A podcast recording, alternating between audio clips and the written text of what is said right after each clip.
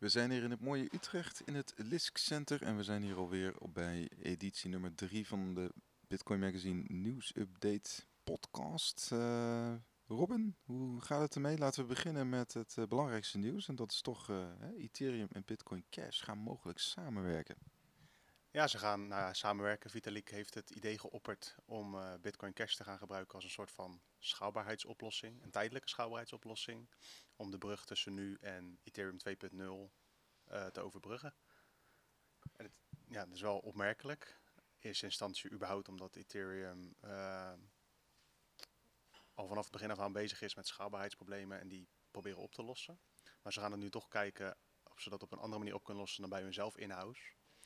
Dus er is sprake van uh, een mogelijk bruggetje tussen beide coins. Ik vind dat wel, of tenminste beide netwerken. Ik vind dat wel heel opmerkelijk.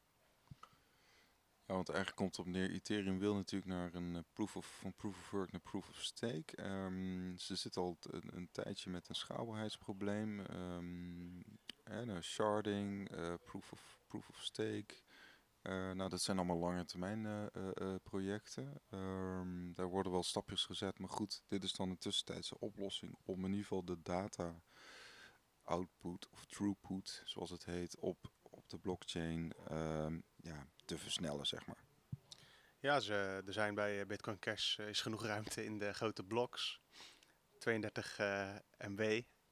Dus uh, ja, voorlopig vullen ze dat zelf niet in het netwerk. Dus misschien kan Ethereum daar heel mooi gebruik van maken. Want als Vitalik um, dit voorstel erdoor krijgt, dan kan het zo eens zijn dat er heel veel transacties die eigenlijk via de Ethereum chain nu gedaan worden, dat die via Bitcoin Cash Chain gedaan worden. Want volgens mij wil hij vooral het als een soort van ja, messaging systeem gebruiken, zeg maar dat het sneller gaat. Want bij de Ethereum kom je op, uh, volgens mij was het 15 transacties per seconde uit mijn hoofd. En bij Bitcoin Cash kan dat veel hoger liggen door de grotere bloks. Um, ja, dat is eigenlijk een hele grote snelweg. Hè? Je hebt uh, bijvoorbeeld de A2 van Utrecht naar Amsterdam. Uh, zo moet je het zien, een tienbaans, uh, tienbaans weg, zeg maar, waar eigenlijk heel weinig auto's overheen rijden. We hebben ook een mooie website, txhighway.com. Ja, dat is van origine in het leven geroepen door een Bitcoin Cash fan. Die had zoiets van, nou kijk, laat een mooie snelweg zien, 32 baans. En dan laat ik één klein weggetje zien, dat is Bitcoin. En dan zie je dan autootjes oprijden en dat zijn transacties. Maar als je naar die website toe gaat, dan zie je dat de snelweg van Bitcoin Cash eigenlijk helemaal niet gebruikt wordt. En dat Bitcoin gewoon op dit moment veruit het meest gebruikt wordt, in ieder geval voor betalingen en transacties. Ja. En dat, ja, dat is wel um, een belangrijk aspect, want Bitcoin is van origine niet gemaakt om uh, data throughput of input, hoe je het ook wil noemen, zo hoog mogelijk te maken. Dat is een heel ander, een heel ander concept. Maar met de grotere bloks van Bitcoin Cash heeft Vitalik blijkbaar zoiets van, nou, daar kunnen wij wel gebruik van maken van die te grote snelweg. Ja. Nou ja, Bitcoin Cash op hun beurt, uh, die waren ook bezig met het integreren van smart contracts op hun netwerk. Dus wellicht dat ze van elkaar uh, uh, kunnen afkijken. Ja, smart contracts zijn natuurlijk bij Bitcoin en bij Bitcoin Cash al mogelijk. Maar bij Bitcoin Cash zijn ze volgens mij inderdaad bezig om het wat te versoepelen. Of wat makkelijker te maken. En daar kan nou, Ethereum, dat is een van de selling points natuurlijk, het smart contract hype gebeuren. En uh, ja, als ze dat kunnen integreren met elkaar, wie weet wat dat uh, teweeg brengt. Het is natuurlijk wel een uh, groot item de afgelopen jaar, eigenlijk afgelopen jaar van blockchains die samen willen werken. Als in van, ja. je hebt zelfs hele projecten, ten, Cosmos met Tendermint is, een, is het perfecte voorbeeld. Die, dat hele protocol is gebouwd om blockchains met elkaar te laten communiceren. En ja, dat twee toch relatief grote chains, misschien is Ethereum wel qua transacties de grootste op dit moment uh, met Bitcoin Cash dan samen gaat werken. Dat is wel opmerkelijk, althans samen gaat werken. Ze zijn aan het kijken. Vitalik heeft voorgesteld om te kijken naar de mogelijkheden om eventueel samen te gaan integreren. Ja, nou goed, het is in de lijn der verwachting dat uh, Bitcoin Cash uh, dit wel met open armen gaat ontvangen. Want ja, zij, zij willen natuurlijk ook graag al die transacties op decentrale apps, maar ook bijvoorbeeld een project als de DAI token van MakerDAO. Dat is ook uh, zeg maar uh, gebonden aan Ethereum netwerk. Uh, nou, zo heb je een aantal. Ehm, ehm, denk vooral ook bijvoorbeeld aan stablecoins. Hè? Dus er zijn ook een aantal stablecoins afhankelijk van. van, van, van zelfs Tether. Tether is wel, weliswaar gebaseerd op de Omni-layer. Dat is volgens mij meer gebaseerd op Bitcoin. Maar toch, ook zij zijn afhankelijk van, ehm, van Ethereum. Um, Tether is niet alleen op Bitcoin, ze hebben ook op Tron onder andere. we komen zo nog even terug op Tether, want die hebben een heel opmerkelijk aantal uh, bijgedrukt de afgelopen week. Maar daar hebben we het zo meteen nog even over. Nee, precies. Nou goed, het is in ieder geval een, ik denk een, um, een pragmatische keuze van uh, Boeterin en, en Co. om zeg maar um, ja, een andere chain te gaan benaderen hiervoor. Um, nou, we, we, houden in ieder geval de ontwikkeling van Ethereum nauwgezet in de gaten. Eind, even kijken, in oktober heb je in ieder geval een grote Ethereum DevCon in Tokio. Osaka moet ik zeggen. En uh, nou goed, daarvoor, daar hopen we dat, dat Ethereum ook weer met ja, een nieuwe update komt over, over de, de overstap naar Proof of Stake. Ja, want het is, het is en blijft een tussenoplossing. Het is niet de bedoeling, voorlopig in ieder geval zo probeert Vitalik het niet te brengen als oplossing voor in de toekomst. Maar voor nu, als tussenwerkje tussen, het, tussen de overgang van Proof of Work naar Proof of Stake is het eigenlijk een klein bruggetje gewoon om het vol te houden. Zeg maar. Want ze willen gewoon die transacties omhoog knallen, zodat het netwerk niet meer kan verstoppen op bepaalde punten als er een nieuwe CryptoKitties uitkomt, dat het niet uh, het hele netwerk vastloopt. En daar gaan ze dus naar, tenminste daar wil Vitalik naar gaan kijken hoe dat bij Bitcoin Cash geregeld kan worden. Okay. Nou, laten we naar het volgende onderwerp gaan. Dat was uh, volgens mij het bijdrukken van uh, een grote hoeveelheid aan, aan Tether USDT. Um. Ja, er, er, is wat misgegaan bij, bij Tether. Er werd op een bepaald moment 5 miljard dollar aan Tether bijgedrukt per ongeluk. En nou ja, dan heb je een, Twitter-account dat heet Will Alert, Will laag, of, laagstreepje alert. En die tweet dat automatisch naar buiten als er, een gekke, als er iets geks gebeurt op een blockchain, op de grote blockchains. Dus ja, je kan het wel raden, heel crypto Twitter in, in rep roer. 5 miljard tether bijgedrukt, de bitcoinprijs gaat door het dak, want er worden teters bijgedrukt. Ja. Dat, was de, dat was de verwachting, maar uiteindelijk bleek dat natuurlijk heel anders te zijn. Er is namelijk een heel simpel foutje gemaakt zoek ik het even op, en anders dan uh, maak ik er misschien een foutje in. De CTO van Tether die uh, legt uit op Twitter hoe, het, hoe dat is gekomen. Ze wilden vanaf de Bitcoin, van het Bitcoin Omni protocol, mm -hmm. daar worden Tethers op uitgegeven. Die werden door Polynix naar de treasury gestuurd van Tether. Dus zeg maar de schatkist. Dat ging om 50 miljoen. de schatkist van Tether vervolgens wilde dat omzetten naar Tether op het Tron-netwerk. Maar daar stond het kommaatje verkeerd. Dus het is eigenlijk een simpel komma-foutje geweest. Waardoor in plaats van 50 miljoen werd het... Het ligt aan Tron. Uiteraard ligt altijd aan Tron. Justin Sun, wat doe je? Nee, de fout lag dus eh, bij Tether ergens in de, ergens in de code. En uh, nou ja, zodra dat foutje ontdekt is, hebben ze het gelijk hersteld. Dus ze zijn niet in één keer 5 miljard Tether bijgedrukt. Dus gewoon 50 miljoen uiteindelijk van de Bitcoin Tether als het ware naar de Tron Tether gegaan. En dat is de situatie hoe het is. Een dergelijke fout kun je dus aanpassen op, uh, op de blockchain blijkbaar. Ja, Tether is natuurlijk gewoon een centraal geregeld product. Dus ze kunnen gewoon verbranden en doen wat ze willen. Het is, niet, uh, het is geen decentrale stablecoin of zo. Het is gewoon, er zit daar blijkbaar dus iemand aan de knoppen die bepaalt wat, uh, hoeveel Tether er beschikbaar is. Ja. Nou, dat is wel interessant, hè? want er wordt ook wel gezien dat, uh, dat Tether een, een, toch een soort marktfactor is. Dus op het moment dat de hoeveelheid Tether bijgedrukt wordt, dat, dat zeg maar ook de, de prijs gaat stijgen. Ja, dat is bijvoorbeeld de CEO van Kraken, uh, cryptobeurs gaf dat aan van... Um, hoe werkt dat dan? Ja, goed, op het moment dat, dat, dat, dat zeg maar investeerders zeg maar via Tether weer uh, bitcoin kunnen kopen, dan gaat de prijs natuurlijk omhoog. Sterker nog, uh, volgens de speciaal aanklager in New York is dat ook op toch redelijk massaal gebeurd bij investeerders in de staat New York waar officieel Bitfinex en Tether ja, niet meer mochten opereren, zeg maar. Omdat ze hebben daar een hele strenge bitlicense. Bitfinex heeft geen dergelijke license. Ja, wat je ziet, wat het probleem eigenlijk is bij Tether, is dat er, er is een angst of een... Uh, ja, er, is een, er heerst een angst dat er zeg maar niet genoeg dollars in kas zijn om die Tethers te dekken. Want als alle Tethers, dus alle USDT's gedekt zijn door een dollar, ja, dan mag je ermee doen wat je wilt, toch? Dan mag je het kopen. Uh, de een advocaat van Tether in een bepaalde rechtszaak, die heeft ook gezegd dat er toen de tijd in mei was dat geloof ik ongeveer 74% van de aanwezige Tethers gedekt werd door dollars. En de andere 26% waren door andere assets.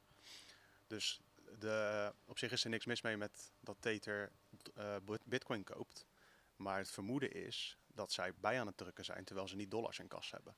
Dat is het grote probleem. Dat ze gewoon de printer aanzetten, bij wijze van spreken als een centrale bank. En gewoon zeggen van, eh, nou mijn USDT is nog steeds een dollar waard. Terwijl ze die niet meer in kas hebben. Nou goed, nu kun je natuurlijk eh, zeggen van oké, een dekking van eh 74% is nog steeds eh, vrij hoog. Want stel dat wij eh, besluiten om naar een bank te gaan en eh, we besluiten met heel Nederland zeg maar een aantal miljoen accounts naar een Rabobank, ING of ABN te gaan, dan hebben ze ook een probleem. Dan hebben we zeker een probleem. Maar we zijn juist bij Bitcoin in dit geval eh, de weg ingeslagen dat dat niet meer de bedoeling is. Dat we niet meer nepgeld tussen aanhalingstekens bijdrukken. Dat het duidelijk is voor iedereen hoeveel geld er is en wat voor waarde dat heeft. En het vermoeden is dus, dat is nog, nog niet bewezen behalve sterke vermoedens, eh, dat Tether dat aan het doen is en daarmee de Bitcoinprijs aan het opdrijven is. Nou ja, Sian detail was natuurlijk dat eh, onder andere Mike Novogratz ook eh, in dat onderzoek van, van de mm, procureur-generaal van New York genoemd is. Eh, van Galaxy Digital. Ehm, dus eh, ja, goed, ook eh, toch wel prominente investeerders werden door dat onderzoek toch een beetje in verlegenheid gebracht. Ja, logisch. Want eh, ehm, ja, als je eenmaal voor het blok wordt gezet of beschuldigd wordt van zulke soort zaken, dan is het heel moeilijk om daar überhaupt van af te komen. Zelfs al blijkt straks in de rechtszaal of waar dan ook dat Tether niks heeft gedaan, dan kleeft er toch een bepaald raar nasmaakje aan die coin of aan die stablecoin. En dat is wel een, een probleempje, denk ik, voor Tether. Maar tegelijkertijd blijft het veruit de grootste. Voor mij ruim 90% van het volume van de stablecoins is Tether. Bijna alle grote exchanges gebruiken ook Tether. Dus op dit moment lijkt er wat dat betreft weinig aan de hand op dat gebied. Ja, goed. Het, het- kijk, het is toch wel een tikkende tijdbom, omdat het gaat niet alleen om Tether, het gaat ook om Bitfinex. En Bitfinex is zeg maar eh, best wel een belangrijke beurs op het gebied van eh, eh, Bitcoin USD. gewoon het Bitcoin volume. Als je kijkt naar het volume, is dat Coinbase, Bitfinex en, en, en Kraken, zeg maar. Dat zijn eigenlijk de grootste volumevreters. Dus niet Binance of zo, maar... En eh, nou ja, goed. Op het moment dat, eh, dat Bitfinex wegvalt, dan is dat eh, toch wel een bepaalde schok voor de markt. Er zijn wel geruchtjes hier en daar, maar tot nu toe blijft het daarbij. Het is niet er is nog geen keihard bewijs wat dat betreft. Nee, er is geen keihard bewijs. ehm, en de vraag is ook van stel dat het klopt wat, wat, wat, er, wat de speciaal aanklager in New York aangeeft, dan is het inderdaad de vraag wat dan de, de consequentie is. Hè, worden, ze, worden ze op de vingers getikt, krijgen ze bijvoorbeeld een boete in. in dus, hè, want de vraag is, ze zitten nu officieel in Hongkong, dus ze kunnen gewoon blijven opereren, zeg maar. Maar goed, ik, ik weet dus niet hoe ver die, ja, die jurisdictie eh, gaat. Nee, dat weet ik ook niet precies, maar het is, eh, laat ik het zo zeggen, Bitfinex en Tether, die worden ondertussen wel heel goed in de gaten gehouden. Ze zouden misschien, als dit gebeurd is in het verleden, zouden ze daar makkelijker mee wegkomen dan als ze dat nu nog steeds actief zouden doen. Want dan heb je nu gewoon een probleem als de aanklager in New York ook al de ogen op jou gemunt heeft. Ja, nou goed, we kennen ook een Nederlands eh, project, eh, Dusk Network, wat, eh, wat eh, onlangs is genoteerd aan eh, Eatfinex. Dat is ook een onderdeel van iFinex, waar ook Bitfinex onderdeel van is. Dus, en ehm, dus dat, dat, nou ja, dat, goed, ik weet dat Dus Network gewoon een legit project is. eh, en zo zijn natuurlijk genoeg eh, legit projecten die gewoon met hun ook eh, toch in zee gaan. Over legit projecten gesproken. Jij zei aan het begin van deze podcast van het grootste nieuws van Bitcoin Cash en Ethereum die mogelijk samen gaan werken. Maar ik vind eigenlijk het grootste nieuws dat Bitcoin het Witte Huis heeft bereikt. Je hebt nu je hebt Trump, je hebt de Treasury van de minister van Financiën in Amerika en de Federal Reserve. Die hebben alle drie in één week commentaar geleverd op Bitcoin en, Libra en andere cryptomunten. Dus we zijn eigenlijk nu in de fase beland dat ze het ook daadwerkelijk gaan erkennen als een gevaar. En eh, ja, daar wordt druk over gepraat en druk over gespeculeerd door van alles en nog wat.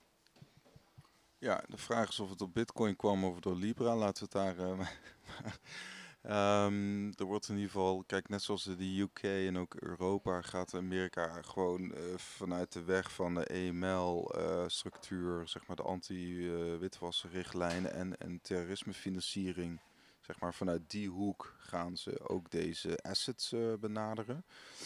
Eh, maar dat is dan echt inderdaad als idee om, nou ja, goed, de bad actors, zeg maar, uit te sluiten. Tegelijkertijd heeft hij ook zeg maar benadrukt dat, dat ze de innovatie willen ze niet in de, in de, in de knop knakken, zeg maar. Dus uh, heel veel mensen in de industrie hebben het toch wel opgevat als een, als een gewoon een positief teken. Je zag dus ook dat Bitcoin-prijs nee, door die 11.000 uh, heen ging. Um, en de vraag is hoe dat de komende weken eigenlijk gaat. Want je hebt natuurlijk de Facebook hearings voor de Senaat en de Huis van Afgevaardigden. Hoe zich dat gaat ontwikkelen gaat Facebook een banklicentie krijgen in, uh, in Amerika? Want daar, daar gaat het dan naartoe. Als ze dit willen, wat ze willen. En wat voor effect heeft dat dan weer op, op de cryptomarkt? Ja, je hebt nu, uh, wat ik in de vorige podcast ook zei, je hebt nu Libra gewoon die eigenlijk vol in de aanval gaat. Tegelijkertijd heeft er ook een advocaat van Libra gezegd dat ze alleen gaan lanceren als ze echt helemaal alle regeltjes on point hebben. Dus ze willen naar buiten toe zeggen ze in ieder geval dat ze willen gaan voldoen aan alle regels die gesteld worden in Amerika.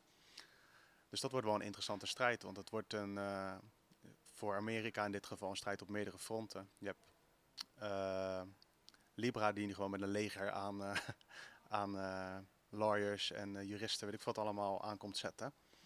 En aan de andere kant heb je dus de open source community met Bitcoin, die ook gewoon aan het, aan het knabbelen zijn aan bijvoorbeeld de Federal Reserve. Want daar, kwam, daar kwamen geluiden naar buiten dat eh, de voorzitter daarvan, die zegt gewoon letterlijk van als, als cryptocurrency echt uh, worden geadopteerd door heel veel mensen, hij vindt dat dat nog niet nu aan de orde is, mhm. dan heb je kans dat er geen Federal Reserve, dus geen reservemunt als de dollar meer nodig is. Nou, zo'n zo'n uitspraak door een officieel uh, beëdigd persoon in zo'n hoge organisatie, dat is nogal wat, vind ik. Het toont eigenlijk aan dat we, wat we stiekem allemaal een beetje hopen als je bitcoin bezit, van nou, Misschien kan het wat afknabbelen van de dollar. Misschien wordt het wel uiteindelijk de reservemunt van de wereld. Dat is wat de dollar nu is. En vanuit die hoek wordt daar ook nu op dit moment zo over gesproken. Ja. Dat is wel een, uh, een verandering tegenover een paar jaar geleden. Dat iedereen zei van nou, het is gebakken lucht. De enige die het nog gebakken lucht noemt is Trump. ja, ja. Nou, dat is inderdaad een interessante uitspraak van, van de Fed. Uh, misschien goed om te weten, ik zag dat gisteren ook, de Fed is een bedrijf dus het is een particuliere entiteit. Het is niet zoals hier de DNB, ja, dat noemen ze dan een, een zelfstandig uh, bestuursorgaan bijvoorbeeld. Maar de Fed is, zeg maar, de Federal Reserve is gewoon een, een, een, bedrijf, zeg maar, een particuliere bedrijf. Tuurlijk wel binnen de context van de overheid. Dus het zal ook wel niet een, een ja, 100% uh, ink zijn. Maar goed. Um, nou ja, goed, in ieder geval opmerkelijk hoe, de, hoe bitcoin en ook cryptocurrencies ineens op de agenda staan. Uh, en ik denk toch dat dat uh, een, een, een, een vlieg, hoe noem je dat? Een, um, een vliegwiel-effect is geweest van, van, van Libra, van Facebook. En ik dacht ook van, het is eigenlijk best wel, het is aan de ene kant best wel opmerkelijk dat we hebben heel veel zorgen over, over Facebook natuurlijk, over de privacy. Uh, tegelijkertijd zijn er ook zorgen over de maatregelen die juist de overheden nemen uh, voor een anti-witwas- en terrorismebestrijding. En wat voor effecten dat heeft op privacy. dus het, is, het heeft twee kanten. We hebben de FAT, uh, FATF, zeg maar, die heeft een aantal eisen neergelegd, waardoor bijvoorbeeld gebruikers van cryptocurrencies, dus de exchanges, eigenlijk de on-ramps en off-ramps, die moeten ook de data van hun gebruikers gaan delen met, met, met, met, uh, met uh, handhavers en toezichthouders. En, en daar, dat zijn serieuze vragen over. Of dat inderdaad, wat voor consequenties dat heeft voor, voor je privacy. Ja, kijk, bij, bij Bitcoin is er natuurlijk niemand waar je naartoe kan gaan als overheid van joh, je moet letten op privacy van gebruikers. Want Bitcoin heeft geen hoofd. Maar bij Libra is dat natuurlijk wel het geval. Je kan gewoon de, de overheden kunnen gewoon Mark Zuckerberg bij wijze van spreken bereiken. En zeggen van ja, je moet aan deze en deze eisen voldoen. Dan is het aan hem om daarop te reageren. Maar ja, laten we wel wezen, de over, of Facebook heeft de afgelopen jaren gewoon eigenlijk altijd hun gang kunnen gaan. En pas sinds een jaar of twee wordt daar tegengas gegeven op het gebied van privacy. En nu zie je pas echt, vind ik, ehm, echt, echt tegengas. Want nu komen ze aan het monetaire beleid, aan het, banken, aan het bankwezen. Want die gaan daarmee gewoon keihard concurreren. En op die manier ehm, ja, weet Libra toch de aandacht op zich te vestigen. En daarin het slipstream komen Bitcoin en andere cryptomunten ook meer in de aandacht. Ook blijkbaar dus in het Witte Huis tot aan Trump aan toe. Ja, dus je kunt zeggen hè, dat, dat, dat, dat Facebook toch wel zeker de, de, de, de hete eikels zeg maar, uit het vuur haalt voor, voor ook de crypto-industrie deels. Kijk, Bitcoin heeft inderdaad geen hoofd. Ethereum is eigenlijk te klein op dit moment. Of ja, ook nog op dit moment niet die zin um, ja, relevant genoeg om, om zeg maar ook echt spokesperson te zijn voor, voor heel die industrie. Uh, hè, ze zijn qua asset kleiner dan Bitcoin. Ze zijn, uh, ze, er zijn veel minder financiële producten omheen ontwikkeld. En um, uh, nou goed. Dus, en dus ja, Facebook heeft in die zin heeft in die, die, die functie dat ze, dat ze eigenlijk ook namens de industrie gaan, gaan praten. En we gaan in ieder geval ja, ongewild wellicht. Maar uh, we gaan dat de komende weken zien hoe, hoe zich dat uh, gaat ontwikkelen. Je hebt in Amerika ook heel veel verschillende instanties die zeg maar met dit probleem uh, aan, de, aan de gang zijn. Hè? Dus je hebt de FinCEN, dus eigenlijk de, de toezichthouder voor banken. Als je een banklicentie hebt. Uh, maar goed, de, die weerstand zit nu veel meer bij de, bij de senaatleden en de, of de congresleden moet ik zeggen. Dus vooral de House uh, van Afgevaardigden en dan met name de democratische vleugel en uh, de Senaat. en ik begrijp ook dat er bij, onder de Republikeinen zijn er juist ook weer geluiden die zeggen van we moeten het juist ook vrij laten en, en Facebook. Dus die innovatie, ook wat de minister zei, dat niet te veel in de, in de kopdruk. Ja, het toont gewoon aan als Libra uiteindelijk gelanceerd wordt, dat er dus gewoon een open markt is voor cryptomunten. Gewoon iedereen mag een munt uitgeven, daar komt het eigenlijk dan op neer. En dan is althans iedereen in Amerika met een banklicentie, maar je kunt mak makkelijk een eigen munt uitbrengen. Maar ik denk wel dat we op moeten passen dat we niet moeten doen alsof het een heldendaad van Facebook is dat zij zeg maar in de bres springen voor cryptocurrency. Want dat is gewoon niet zo. Ze zijn, uh, ja, het is eigenlijk niet echt een cryptocurrency, het is meer een soort van nieuwe bedrijfsmunt of zo. Want het is niet dat Facebook uh, de waarde vertegenwoordigt die een cryptomunt zou moeten vertegenwoordigen. Het is, niet, het is geen vrijheid, het is niet pseudo-anoniem, laat staan anoniem. Dus er is een hele andere dynamiek aan de gang. Maar voor beleidsmakers wordt het nu op dit moment blijkbaar toch op, een, op één hoop gegooid. En dat vind ik wel. Uh, het is gewoon wederom interessant om te kijken hoe dat zich gaat ontwikkelen. Want daar komt gewoon zoveel tegengas nu van van alles en nog wat. Dat dat voor, uh, kom je weer bij, bij kleine altcoins, ook dat is eigenlijk hetzelfde die, eh, waar, waar, Facebook nu tegenaan loopt, op het moment dat een altcoin zo groot wordt als Facebook, dan krijg je die hetzelfde soort tegengas. En daar, en daar zijn dus manieren voor vanuit overheden om, daar, uh, om ervoor te zorgen dat er niks gebeurt, zeg maar, of dat het tegengehouden wordt. En bij Bitcoin kan dat niet. Bitcoin is ja, gewoon open source, er is niemand verantwoordelijk voor. Terwijl als, stel dat Ethereum nu uh, de Libra zou uitgeven, ik zeg maar wat. Uh, denk jij dan niet dat Vitalik op het matje moet komen bij Trump? Nou ja, kijk, uh, Ethereum heeft natuurlijk in die zin als, als nadeel of wel als voordeel dat, dat er een foundation achter zit. En ook met Vitalik wel een duidelijke, ja, een leider, zeg maar. In ieder geval naar buiten toe. Um, ik denk dat de besluitvorming binnen, binnen, binnen ITM zelf, uh, dat dat nog best wel redelijk uh, democratisch gaat, zeg maar, decentraal. Uh, binnen een aantal senior devs. Um, ja, nee, inderdaad. Dus dat, dat op het moment dat jij, zeg maar, accountable bent, en dat geldt bijvoorbeeld ook voor Ripple, dan, dan, dan, ja, dan, dan, dan ben je. En dat, dat maakt in die zin Bitcoin wel redelijk uniek. Dat, dat, dat er in principe is er niet iemand accountable voor wat er op het netwerk gebeurt.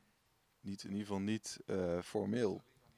Niemand is verantwoordelijk voor het hele netwerk. Je bent natuurlijk wel verantwoordelijk voor je eigen transacties. Als, jij, als het getraceerd wordt dat jij drugs koopt, ik zeg maar wat, met bitcoin, dan ben jij zelf wel verantwoordelijk voor die transactie. Maar er is niemand waarvan ze die, niemand kan zeggen van dat mag jij niet meer doen op dat netwerk. En wat dat eigenlijk Dus het werkt echt een beetje zoals e-mail of... Hè? Ja, het is gewoon een, proto- een pro- open protocol. En dat is, het, dat is het grote verschil met tot nu toe alle andere projecten. Ehm, als je zo groot wordt als Bitcoin of als Facebook, dan komt er gewoon tegengas. Alleen als jij ge- tegengas kan geven tegen een bepaalde centrale partij, in dit geval Facebook, dat is makkelijker dan tegengas tegen een heel decentrale movement, of hoe je dat ook wil noemen. Nou ja, de conclusie vind ik eigenlijk gewoon, eh, er wordt nu getweet en gepraat door de Amerikaanse president over Bitcoin, hoe dat komt waarschijnlijk door Libra, is gewoon een heel belangrijk punt. Ik denk dat we daar eh, met z'n allen best wel een beetje blij van moeten zijn. Of je nou eh, Trump helemaal niet mag of wel, dat maakt eigenlijk niet zoveel uit. Goed, nou ja, we, we zijn ook wel benieuwd in dit geval naar bijvoorbeeld Telegram en hun Gram-token. Want dat was toch een van de grotere ICO's. Eh, we gebruiken allemaal Telegram in de industrie. Eh, geldt dat meer als een standaard dan bijvoorbeeld WhatsApp. Eh, dus eh, we gaan zien hoe, hoe die token zich ehm, gaat ontwikkelen, zeg maar. Want dat, dat zit nog helemaal in het ongereguleerde circuit gewoon. Ja, je, hebt, eh, je noemt Telegram, maar in, eh, in Azië heb je natuurlijk WeChat. Die gaan waarschijnlijk gewoon precies hetzelfde doen als wat Libra met, eh, Facebook nu met Libra aan het doen is. Kan me zo voorstellen, want eh, Facebook heeft al gecommuniceerd, want dat is in ieder geval naar buiten gekomen, dat China en India zijn uitgesloten van eh, deelname met bepaalde regelgeving gewoon te maken. Nou, dan kan je er eh, vergif op innemen dat er in China een eigen product dat ze gaan kopiëren en daarna verder uitbouwen, na gaan maken. En dat gaat denk ik WeChat zijn, dat is daar het grootste social media platform. Oké, ehm, Dan eh, hebben we nog een klein, eh, klein nieuwtje om het af te sluiten. Dat gaat over eh, Bitmax. Bitmax geeft namelijk eh 60.000 dollar gedoneerd aan een Bitcoin Core developer genaamd Michael Ford. En, die, en daarmee doet Bitmax eigenlijk een beetje hetzelfde wat Jack van Twitter en Square aan het doen is. Die hebben een, Square heeft een eigen cryptodivisie opgericht. Daarin hebben ze nu de eerste persoon aangenomen, een oud werknemer van Google. En, zij, eh, die persoon wordt gewoon aangenomen om aan Bitcoin te bouwen. Aan het, gewoon het open protocol, zeg maar. Niet aan Twitter, niet aan de Cash app van Square, maar gewoon aan Bitcoin bouwen. En Bitmax volgt dat voorbeeld door eh 60.000 euro te doneren aan die Bitcoin Core developer. En wat dat eigenlijk eh, laat zien is dat die bedrijven gewoon gebaat zijn bij de ontwikkeling natuurlijk van Bitcoin. Iedereen, wij ook, iedereen die profiteert ervan, dat iedereen daar bijna gratis aan werkt. En op die manier, eh, kijk voor Bitmax is natuurlijk gewoon marketing. Ja, maar ik, Ja, de Tangle en Tempeh with eh Nouriel Rubini. ze moesten wel even wat leuks doen misschien, maar ik vind het wel een, een interessante trend. Moet je voorstellen dat elke partij die hier iets mee doet, gewoon een klein procentje of een minimaal procent van jaaropgave investeert in de ontwikkeling van een open protocol als Bitcoin. Dat is, zou een super interessante trend zijn. Als elke beurs, als Binance ook zou zeggen van, eh, nou, we hebben een eh Funds Safe fonds, maar we hebben ook een bouw aan eh, open protocollen fonds. Ja, ze hebben Binance Labs. Hè? Dus en daar met, Bi- met Binance Labs eh, steken ze ook geld in, eh, in startups. die ook gewoon bouwen aan open protocollen. Ehm, in dit geval in Bitmax ja, is ook de vraag van inderdaad. Weet je wel, goed teken inderdaad. En ehm, het is ook natuurlijk in hun belang dat, dat Bitcoin gewoon verder blijft ontwikkelen, zodat er ook meer op gespeculeerd kan worden. Want daar, komt het gewoon op neer. En dat is natuurlijk bij Binance ook zo. Maar goed, zij zijn uiteindelijk zijn de exchanges tot nu toe ook gewoon degene die de meeste eh, vet op de botten hebben. En, en, je ziet toch dat bepaalde, ook, ook Grin, zeg maar, en bepaalde, eh, zeg maar, kleinere eh blockchains, ja, moeten toch qua funding steeds, als je geen ICO doet, moeten ze gewoon qua funding steeds eh, verder eh, geholpen worden. Ja, maar dat is ook een beetje een eigenschap van eh, open source überhaupt. Hè? Dus gewoon die community begint eigenlijk met allemaal vrijwilligers. En dan hoop je dat er uiteindelijk bepaalde vermogende mensen instappen die denken van nou, dit project vind ik interessant, hier heb ik baat bij. Het bedrijf achter eh, Bitmax, HDR Global Trading, die hebben ook letterlijk gecommuniceerd dat ze dit echt doen omdat zij gewoon heel veel baat hebben bij iedereen die gratis werk levert aan het eh, open source protocol dat Bitcoin heet. Als dat zou stoppen of stagneert, dan heeft iedereen in de in de industrie daar last van. Dus wat zij eigenlijk, eh, ze zeggen het niet met zoveel woorden, maar je leest tussen de regels door dat zij eigenlijk proberen om ook andere mensen blijkbaar aan te sporen om dat gewoon te gaan doen. En dat is een super interessant idee natuurlijk. Als er een, eh, x aantal machtige bedrijven uit een industrie ervoor kiest om uh, ontwikkelaars, talentvolle ontwikkelaars te financieel te ondersteunen. Om te bouwen aan iets waar we met z'n allen wat aan hebben. Nee, zeker. Dus we kunnen ook wel vergelijkbare dingen van, uh, van, van Coinbase. En ik kan me zelfs herinneren dat Bitfinex ook bijvoorbeeld in Spectrum investeert. Wat ook weer een, een Bitcoin ja, core project is. Ja, het gebeurt allemaal. Uh, tenminste, iedereen is daar wel op zijn eigen manier mee bezig. Maar ik zou het uh, super gaaf vinden als dat nog wat meer naar voren komt, meer in het nieuws komt. Want onderschat niet hoeveel werk er wordt geleverd voor bijna niks aan dit soort gigantische projecten, in dit geval Bitcoin. Nou ja, goed, de, de sowieso de, de voor, waar ik naar uitkijk zijn natuurlijk wel de Facebook hearings vandaag en morgen. en dan hebben we natuurlijk ook volgende week de 22e, dus maandag, dan gaat toch ook Bakt live. Dus dat is het platform van ICE, Intercontinental Exchange. En nou ja, goed, uh, Binance heeft het nog eventjes uh, genoemd van, nou ja, goed, die groei van Bitcoin is grotendeels particuliere beleggers. bleek uit hun eigen onderzoek. Nou ja, wij zien ook wel een enorme groei in futures. En nou ja, het BACT-platform die, die gaat als het goed is, meer professionele uh, beleggers uh, aanhaken op deze markt. En dat gaat hoe dan ook zorgen dat er meer kapitaal zeg maar, in bitcoin wordt gestoken. Dan weten we niet of dat nou gelijk tot een enorme nieuwe boelrally uh, gaat zorgen. Maar in ieder geval, de, de, hoe noemen we dat? De, de, de vast majority of, of, of gaat dan ook toes in the water en uh, gaat gewoon wat kapitaal erin steken. We, hè? we hebben het over duizenden pensioenfondsen bij wijze van in potentie wereldwijd die in deze asset kunnen gaan investeren. Ja, dat zijn natuurlijk wel grote ontwikkelingen gewoon op het gebied van uh, acceptatie en het wijder verspreiden van uh, de bitcoinhandel. Tegelijkertijd uh, moeten we dat eigenlijk wel loszien van de ontwikkeling op bitcoin van het protocol. En de markt zijn natuurlijk eigenlijk twee dingen die zijn wel verbonden met elkaar. Want het is heel belangrijk voor Bitcoin dat het een bepaalde waarde heeft om miners bijvoorbeeld te belonen. Maar tegelijkertijd heeft de prijsontwikkeling in zoverre uh, niet zoveel te maken met hoe de basislaag ervoor staat, zeg maar. Dus dit zijn allemaal een soort van toepassingen die um, weinig unieks met zich meebrengen, maar zijn wel heel belangrijk voor de industrie, denk ik. Ja, en gezien de helving die er toch aankomt in uh, mei 2020, is het qua timing in ieder geval wel, uh, denk ik, zijn ze op tijd. Ja, dat denk ik sowieso. En daarmee uh, zijn we aan het einde van Bitcoin Magazine nieuwsupdate nummertje 3. En uh, ja, om hoogte te blijven kun je bij uh, bitcoinmagazine.nl al het nieuws checken. Daarnaast zijn we natuurlijk op alle grote social media kanalen, zoals Facebook, Twitter, YouTube, Instagram en zelfs Spotify met deze podcast. Dus ja, tot kijk en happy holding. Ja, tot kijk en nou, voor sommigen fijne vakantie en tot snel.